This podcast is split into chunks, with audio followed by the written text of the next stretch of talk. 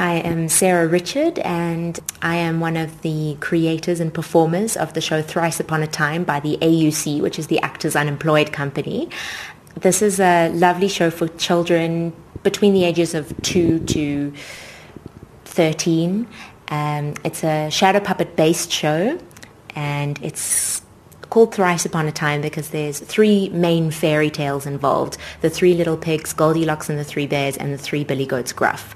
And um, there's a little boy, Nigel, and a little girl, Casey, and they go on, go on an adventure with a magic storybook and tell these three stories. Hierdie is nie die eerste keer wat jy hierdie produksie gaan opvoer nie. Vertel my hoekom jy besluit het om dit terug te bring. Uh, no, yeah, it's not the first time. It's actually the third time we'll be doing this show. And the first time we did it was in Durban two years ago. And we did it last year at the Hilton Festival. And now we've decided to bring it to Joburg because, well, it hasn't been in Joburg. So we thought we wanted to bring this style of theatre to the kids in Joburg. Kry jy dat kinders baie goed op hierdie tipe produksie reageer?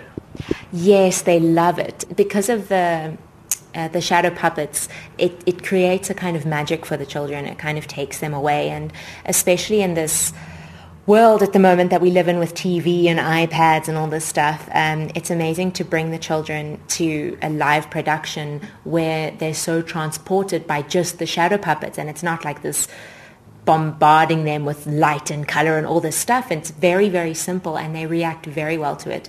They kind of it enables them to let their imagination run loose. En wat van jou? Doen jy gereeld sulke produksies en hoekom verkies jy om hierdie tipe produksie te doen?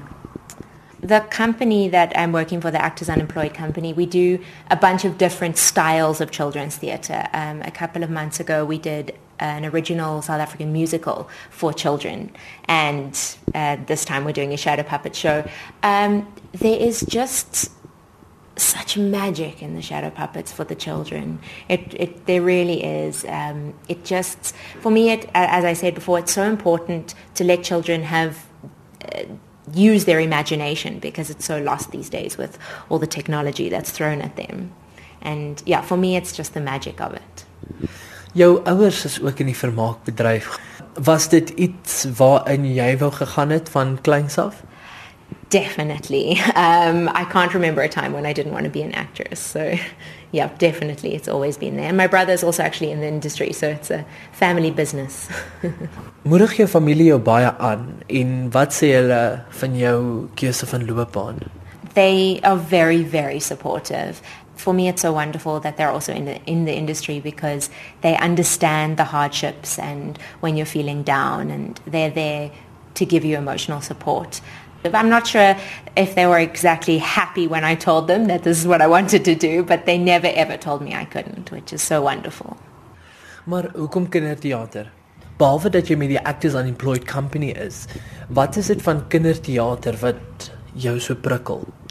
Um we do a lot of other theatre. We do dramas and comedies for adults and, you know, we obviously do everything. But it is so important for us to grow our audiences from a young age because if we don't introduce children to theatre, then in 10, 15 years, there's going to be nobody new coming to watch theatre, to watch the dramas and the comedies. So um, it's so important for us to grow our audiences. Wanneer ons nou Thrice Upon a Time kom kyk, waarna kan ons uitsien? I think that this is a production that the kind of production that you haven't seen for children um, here in Johannesburg. We have a lot of audience interaction. We talk to the children and we let them be a part of the production with us. So um, they feel like they're also there creating and uh, being part of the experience. It sometimes takes them a while to realize they're allowed to speak. And once they've realized that, some of them just don't stop uh, that's you know that's our challenge as actors, and we need to be able to talk to the children and hear what they're saying, but also um, let them know when is the appropriate time to talk and when is the appropriate time to listen. But they understand pretty quickly, and they all we've never ever had issues, and it's always been so much fun. And some of the kids, we ask them questions, and they're so creative, and it's so wonderful.